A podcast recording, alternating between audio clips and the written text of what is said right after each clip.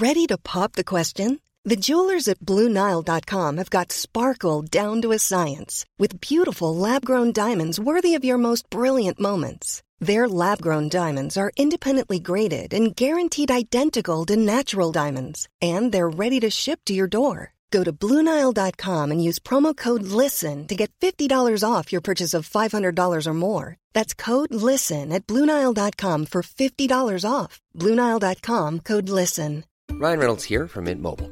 With the price of just about everything going up during inflation, we thought we'd bring our prices down. So to help us, we brought in a reverse auctioneer, which is apparently a thing.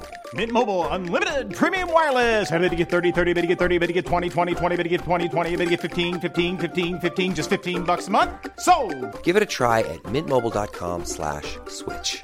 $45 upfront for three months plus taxes and fees. Promo rate for new customers for limited time. Unlimited more than 40 gigabytes per month. Slows. Full terms at mintmobile.com. There's never been a faster or easier way to start your weight loss journey than with PlushCare. PlushCare accepts most insurance plans and gives you online access to board-certified physicians who can prescribe FDA-approved weight loss medications like Wigovi and Zepbound for those who qualify.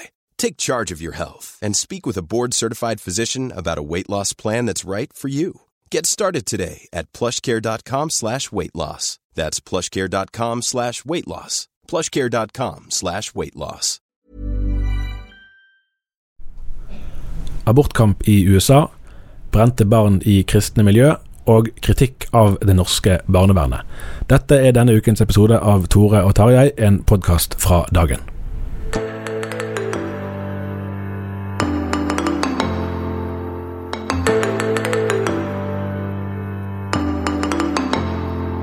Her i studio sitter jeg, Tarjei Gilje, og min kollega Tore Hjalmar Sævik. Du, Var du oppe i natt egentlig, Tore Hjalmar, for å se på State of the Union?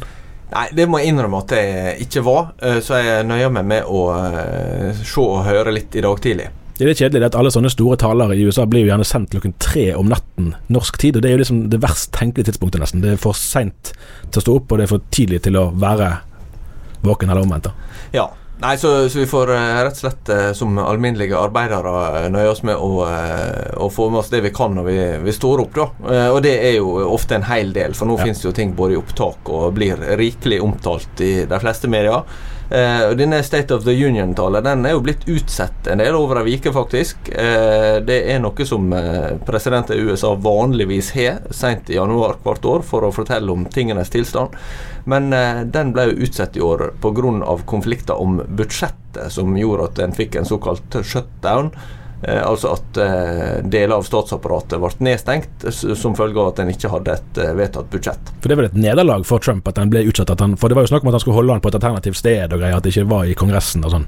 Ja, det er jo en, en symboltung handling, det å ha denne talen. Så det er jo ikke å få ha den som planlagt. Det er nok ikke ønskelig. Men her er det jo et relativt høyt konfliktnivå og store ting som så, eh, en er uenig om. Sånn at en må vel bare ta det etter hvert som det kommer. da. Et av de momentene som han berørte, og som har vært eh, på tale i det siste, er jo eh, debatten om seinaborter. Det var jo tema òg i en av debattene mellom han og Hillary Clinton før forrige presidentvalg. Og Der har det jo skjedd noe i New York nå med ny lovgivning og forslag der. Ja, stemmer det. Altså, her er bakgrunnen litt viktig, for det er jo sånn i, eh, i USA at eh, fra 1973, med den eh, veldig kjente høyesterettsdommen Do- eh, Roe versus Wade, så uh, avgjorde Høyesterett at uh, abort er grunnlovfesta rettighet. Dvs. Si det må være tillatt i alle delstater, men uh, abortlovene er ganske forskjellige, og, og reglene for, for når abort kan utføres, de er ganske ulike fra, fra stat til stat. Eh, og eh, nå er det jo sånn at i og med at Trump allerede har fått utnevnt to høyesterettsdommere, og kanskje kommer til å få utnevne flere, så eh, er det da på republikansk side et håp om å endre eh, sammensetninga i Høyesterett og få en mer konservativ sammensetning. mener det på eh, demokratisk side er en frykt for at det skal bli en mer konservativ sammensetning. Og da er det jo sånn at eh, nå i, i sluttet på, på januar, ganske nær eh, eh, årsdagen faktisk for Roe versus Wade, så vedtok eh, New York en ny eh, temmelig liberal abortlov. Der en bl.a. da eh, går ganske langt i å eh, åpne for, eh, for senabort, altså i tredje trimester, hvis det er av hensyn til mors fysiske eller psykiske helse. Det som da ofte blir utfordrende med sånne, sånne bestemmelser, det er jo når, så lenge de er skjønnsavhengige, så er det vanskelig å si når en skal på en måte si at det er dekning for å, for å innvilge abort. En må også huske at det, her er det jo ikke det offentlige helsevesenet i stor grad som, eh, som eh, utfører abort, det er jo private helsetjenestetilbydere. Ja. Eh, og så er det jo også sånn at de, de færreste vil vil jo vente så lenge med å utføre et abortinngrep, um, av uh, også medisinske grunner, uavhengig av hvordan en vurderer fosteret sin verdi. Men det er jo noe veldig uh, sterkt for de fleste når en kommer opp til at uh, det faktisk er levedyktige foster som, mm. som kan få avslutta livet. da. Um, sånn at den, den, debatten er blitt veldig sterk og polarisert i USA, og, og det er det nok Eh, ja, eh, de kommer til å se, enda mer, tror jeg, at, at abortspørsmål er veldig betent i amerikansk debatt. Og det fyller også nå i, i stor grad eh, partilinjer. For tidligere så fantes det verdikonservative demokratiske politikere som eh, prinsipielt var imot abort, og det fantes eh, flere republikanere som hadde iallfall en mer sånn pragmatisk tilnærming til spørsmålet, Mer av dette nå er blitt en ganske tydelig skillelinje politisk. Da. Det finnes noen få eh, republikanere som prinsipielt er for eh, abort, men det vanlige er at de ikke er det. Nettopp. Hm. Nei, jeg må trygt kunne si at uh, dette emnet er jo, er jo betent òg i Norge, men uh, den debatten vi har her fra Amerika er jo mye mer drastisk. Altså det som, det som er på bordet av forslag, mener jeg, er mye mer drastisk enn det vi tross alt diskuterer om med, med fosterreduksjon eller tvillingabort uh, her i landet. Ja, men, men interessant å merke at, at temperatur er mye av eh, Altså er på et vis gjenkjennelig likevel. Da. Det er et sånt spørsmål som, eh, som eh, har veldig sterke etiske implikasjoner i seg, og dermed så, så utløser det et veldig sterkt engasjement og, og ganske sterke ord. For det, det er jo et livsviktig spørsmål. Akkurat.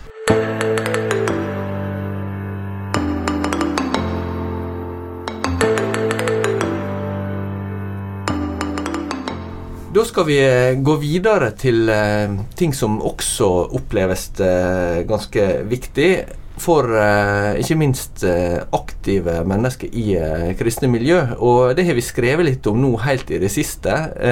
det er en som heter Ole Petter Erlandsen, som har vært pastor i Oslo Vinjar, ei karismatisk menighet i hovedstaden i mange år. Eh, og som forteller en del om si historie. Hva i korte trekk er det det handler om, Tarjei?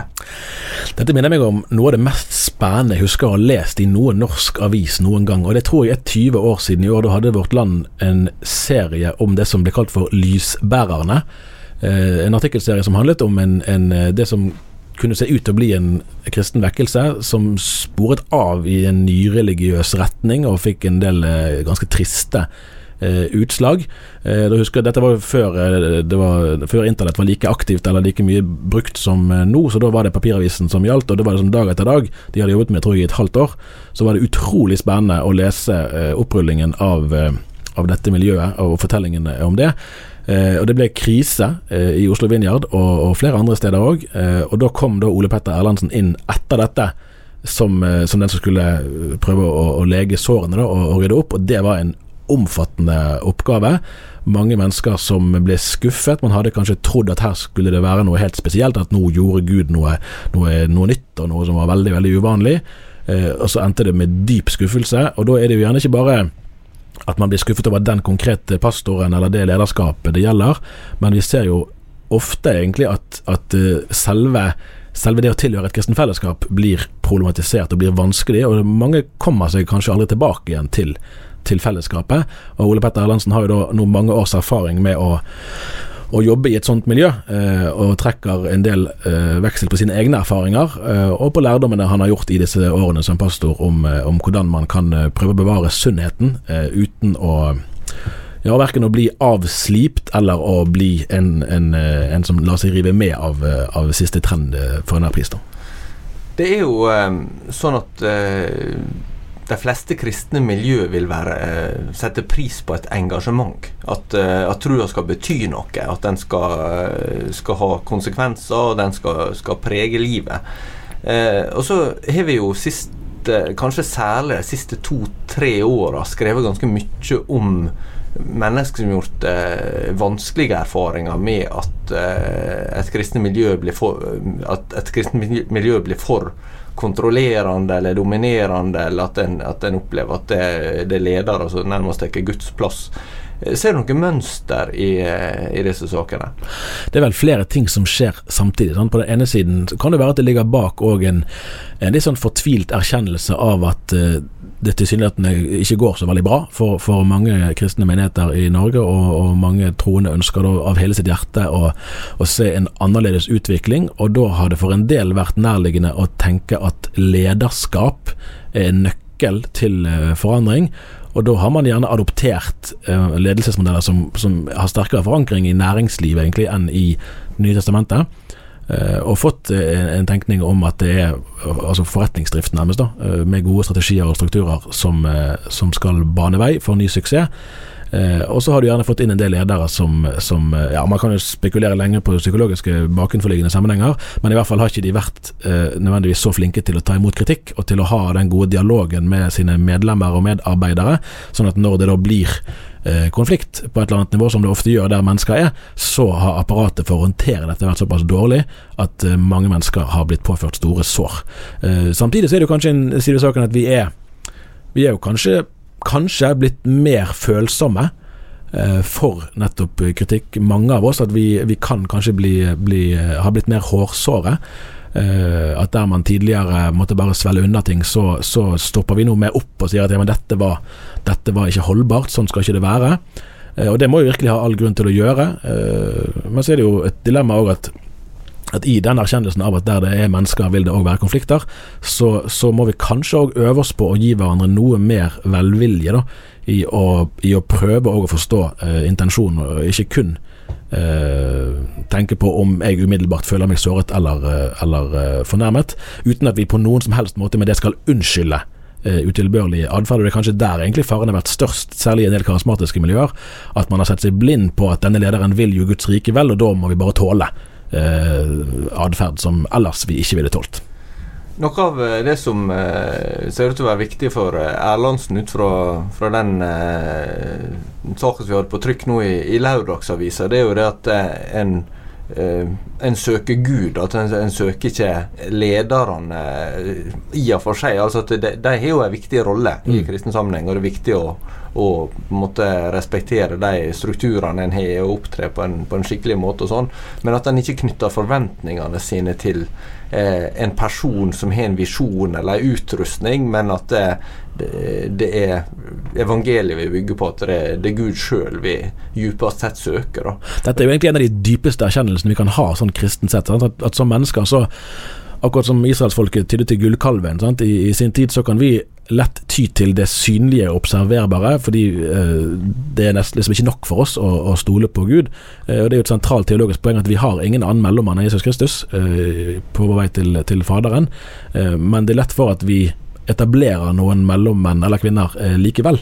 Eh, og Egentlig er jo det et uttrykk for, for vantro til Gud, hvis det er den eller den pastoren som skal, som skal vise oss hvem Gud er, eller som skal redde oss og redde Kirken. Ja, Nei, Jeg syns det var interessant eh, i det, så, det intervjuet som kollega Johanna Almlid hadde gjort med mm. Ole Petter Erlandsen, nettopp at det var så, så sentralt. da. Og Hun hadde jo også intervjua Geir Otto Holmås, ja. som eh, var lærer i Det nye testamentet på Menighetsfakultetet eh, en god del år men også vært engasjert i OASE-bevegelsen. Og nå jobber vel for NLA Høgskolen, men også eh, jobber som åndelig veileder og forkynner. Og ga ut en bok i fjor, var det vel, som het eh, eh, 'Mine karismatiske venner' ved, ved en korsvei. Ja, brev, til. Eh, brev, til. mine karismatiske venner. Der han eh, skriver om en del trender som han er urolig for i internasjonal karismatikk.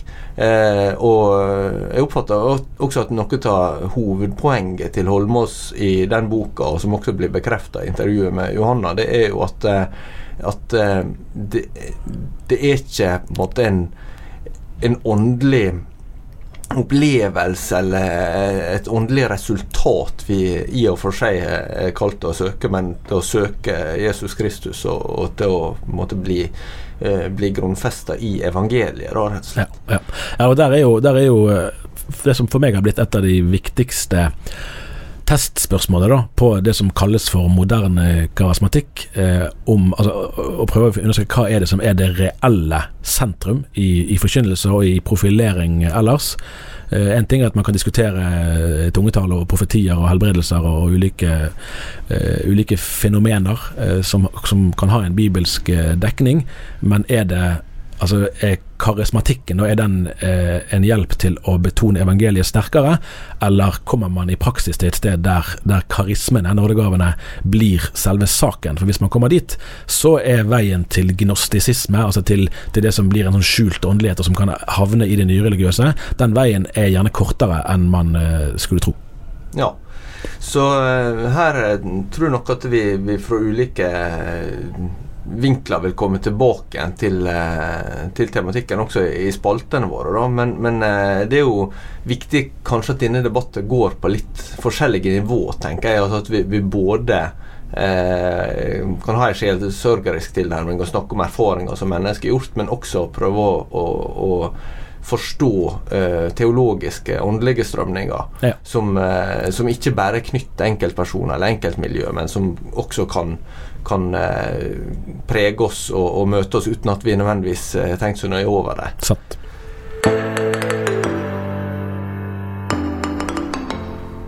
Vi skal videre, og eh, nå litt tru og politikk. Eh, det har jo skjedd, som vi har også snakket om her i podkasten, at KrF har kommet i regjering. Og med folk, et partiregjering så skal også folk inn i regjeringsapparatet. Og i forrige uke så fikk det en del oppmerksomhet at eh, den nye bistandsministeren Dag Inge Ulstein har ansatt en eh, rådgiver som heter Gjermund Øystese. Han har jobba her i Bergen for Norges kristelige student- og skoleungdomslag. Eh, men hva var det som fikk oppmerksomhet av det? Han eh, har jo tidligere stått frem som eh, pornoavhengig, og har fortalt om sin vei ut av det. Det var jo forbilledlig gjort. Det er vel egentlig sannsynligvis ganske mange som kunne snakket eller fortalt lignende historier. Han tok belastningen med å snakke offentlig om det, ære være han for det. Og dette ble jo en sånn pikant sak. Nå er det jo litt sånn altså Noen syns det er et morsomt poeng sant? At, at eh, statsråden hans uh, har blitt omtalt som sexolog. Det er han vel strengt tatt uh, ikke, selv om det er en ubeskyttet uh, tittel. Så her har du da en tidligere pornoavhengig og en angivelig sexolog i samme departement. Men det er jo mest et kuriøst poeng. det var først og fremst tror jeg en, en interessant sak, det der, og det tjener vel han til ære. altså for, og, og utenfor kristne miljøer vil jo mange si at, at hvis man kommer i et forhold til pornografi som ligner avhengighet, så, så er det eh, ikke av det gode. Eh, og samtidig er det et klart sosialt stigma forbundet med det, sånn at eh, han, eh, han, han, snakker nok på vegne av mange, da. Eh, og selv om en del i pressen kan synes at det her var, var, var spesielt, så tror jeg egentlig han eh, tjener en del på det. Men jeg, jeg, vil vel anta at uh, en del i uh, KrF-kretser kan bli ganske oppgitt over at uh, det hele tida er litt sånn kuriøse vinklinger som, som får oppmerksomhet ja. når partiet eh, egentlig vil ha fram politikken sin. Ja da, det er nok sant. Eh, og så tror jeg vi skal være litt forsiktige med å, på en måte dra uh, offerkortene for tidlig. For den type oppmerksomhet er ikke det bare KrF som, som får. Og KrF må vel òg regne med at når de har en, et alternativt standpunkt i, i, en del samlivspolitiske spørsmål, så blir det jo ekstra oppmerksomhet knyttet til deres egen altså deres egne ståsteder når det gjelder seksuell orientering og erfaringer i det, i det landskapet. Så det Eh, ikke nødvendigvis veldig dramatisk. og nå, nå, var det et par dager den historien gikk, og så er vel den kanskje stort sett eh, ferdig. Eh, og så skal både, både Ystese og Ulstein få mer rom til å jobbe med politikk fremover. De er jo nå i Etiopia, gammelt norsk misjonsland. Eh, og for den gamle, gamle NLM-eren Ulstein må jo det være fint å være tilbake der. Det skulle en tro var interessant. Det er jo um, en erfaring som jeg tror mange gjør som havner i media med andre saker enn det de hadde ønska. At nå handler alt om det, mm. og alle går og tenker om akkurat den saka. Men erfaringa er jo at eh, oppmerksomheten i media skifter ganske fort. Ja. Eh, og plutselig så er det ingen som verken husker den personen det var snakk om, enda mindre hva den personen var, var kjent for, kanskje. Så eh, det er vel eh, ikke så dumt å ha litt is i, i magen og, og se ting litt an, da. Nei, det er kanskje sånn dobbelthet der at vi som jobber i pressen, kan jo kanskje tenke øh, for smått at for oss er det bare en sak en dag, og så kommer det en ny dag med nye saker, og, og det er nå ikke så farlig det å bli litt eksponert. Mens for den personen det gjelder, kan jo det være den ene gangen man er i offentlighetens søkelys, og da kan jo medieomtale oppleves ganske, ganske belastende.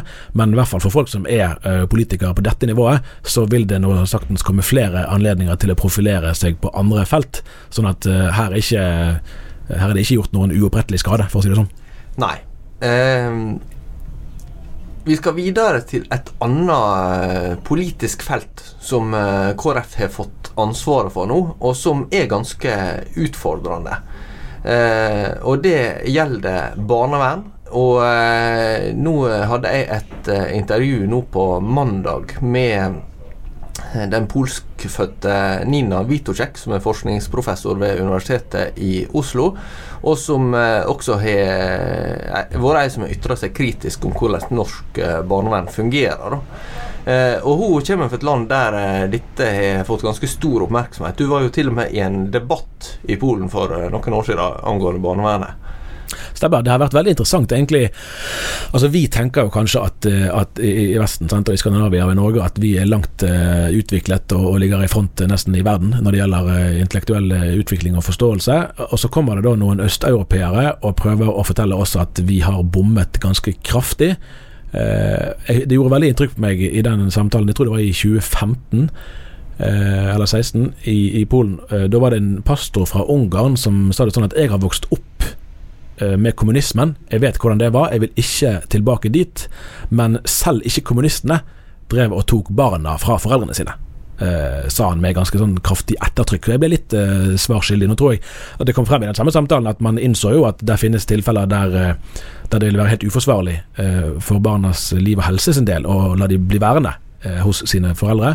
Men det var likevel en ganske sånn kraftig kritikk av terskelen for å gripe så drastisk inn. Eh, og der ser vi jo nå i flere eksempler i, kort, i nyere tid at, eh, at Polen står som en ganske tung kritiker av det norske eh, systemet. Eh, og Det blir spennende synes jeg, å se fremover hvordan både statsråden og det politiske apparatet, barneombudet i det hele tatt, og barnevernet sjøl eh, håndterer, eh, håndterer, dette. Du tror man har jo fulgt, fulgt dette saksfeltet over, over tid. Hva slags eh, utviklingstrekk ser du nå eh, som kan ligge foran oss? Nei, det som var det interessante Eller mange interessante ting med dette her, ut fra at jeg har jobba med det over, over, flere år, men, men min spontane inngang var jo at jeg som nordmann har ganske høy tillit til det offentlige systemet, enten det gjelder helse eller det gjelder andre offentlige ja, velferdstjenester. Eh, og så opplever du at det der er ei eh, ganske sterk frykt og, og også et ganske sterkt sinne knytt til eh, avgjørelser fatta i norsk barnevernssystem, som har etter hvert viser det seg ganske store eh, Ja, ganske sterke reaksjoner i mange østeuropeiske land. Eh, og, og, til dels også i andre land enn det. Og da er det jo noe med å ta inn over seg hva er dette uttrykk for. og den spontane norske reaksjonen kan jo være at ja, men en kjenner ikke vårt system, en, en har ikke den samme tilliten til staten osv. Men så kan det også være at det er svakheter som, som vi overser ut fra at vi har så, så store tillit. da. Så, så, jeg syns det har vært ganske interessant og utfordrende å, å, jobbe med. Og jeg tenker at her er det spørsmål som iallfall eh, fortjener en skikkelig debatt. At en ikke, ikke avfeier med at eh, Norge er verdens beste land, og vi er best på, på barnerettigheter, og vi er best på på alle mulige velferdsordninger, men, men spør på en måte Eh, hvordan er styrkeforholdet mellom stat, familie eh, enkeltindivid, og også om gode intensjoner kan ha utilsikta virkninger. Akkurat. Eh, og der er jo, er jo særlig spørsmålet om statens makt da, eh, ganske viktig. For, når, for, det er jo flere psykologer og advokater som har vært eh, ut, ut, også norske, som har uttrykt seg ganske kritisk til hvordan barnevernssystemet kan fungere hvis en, en er uheldig i en sånn prosess. Nettopp.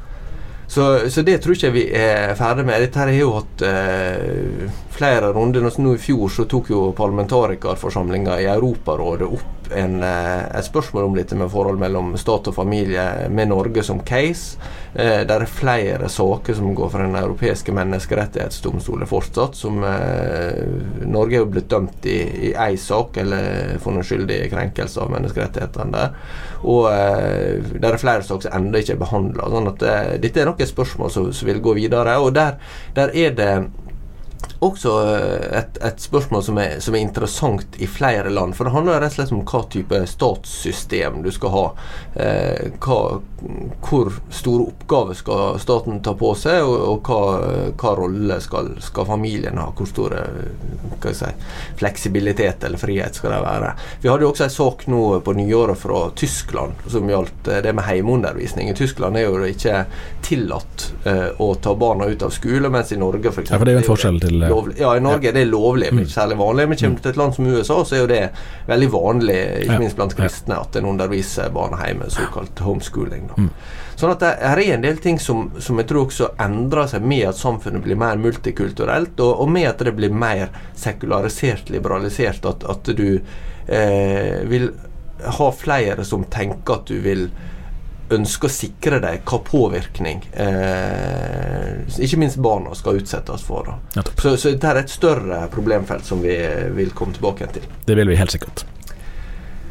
Vi kan også notere til eh, slutt i dag da, at eh, Bibelselskapet forteller om rekordsalg av bibler.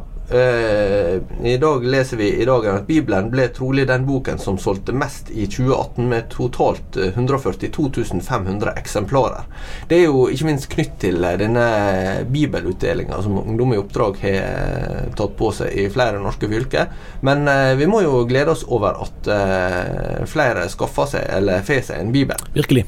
Jeg vet ikke om eh, planene er lagt videre for eh, flere fylker. Men det er jo eh, tatt Østfold nå sist, og det kan jo være at, at de dukker opp ved ei dør nær. For å si det sånn. de, har jo, de, har jo, tanker om flere fylker, men jeg tror ikke det er helt sånn laget fremdriftsplanen ferdig. Nei, nettopp. Til slutt så eh, vil vi bare oppfordre alle til å eh, ta kontakt hvis dere har tips, innspill, tilbakemeldinger. Da kan dere gjøre det enkelt på tarjei, krøllalfa.dagen.no, eller tore, krøllalfa.dagen.no. Og eh, skriv gjerne ei eh, tilbakemelding eller gi ei rangering på eh, iTunes hvis du hører den der, eller del podkasten med venner og kollegaer og hvem du ellers måtte tenke har interesse av den.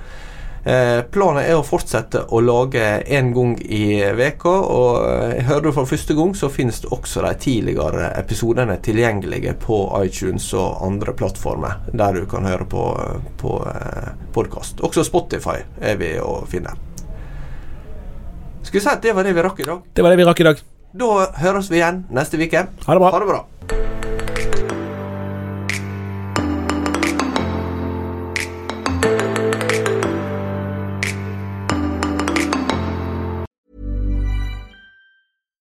Here's a cool fact a crocodile can't stick out its tongue.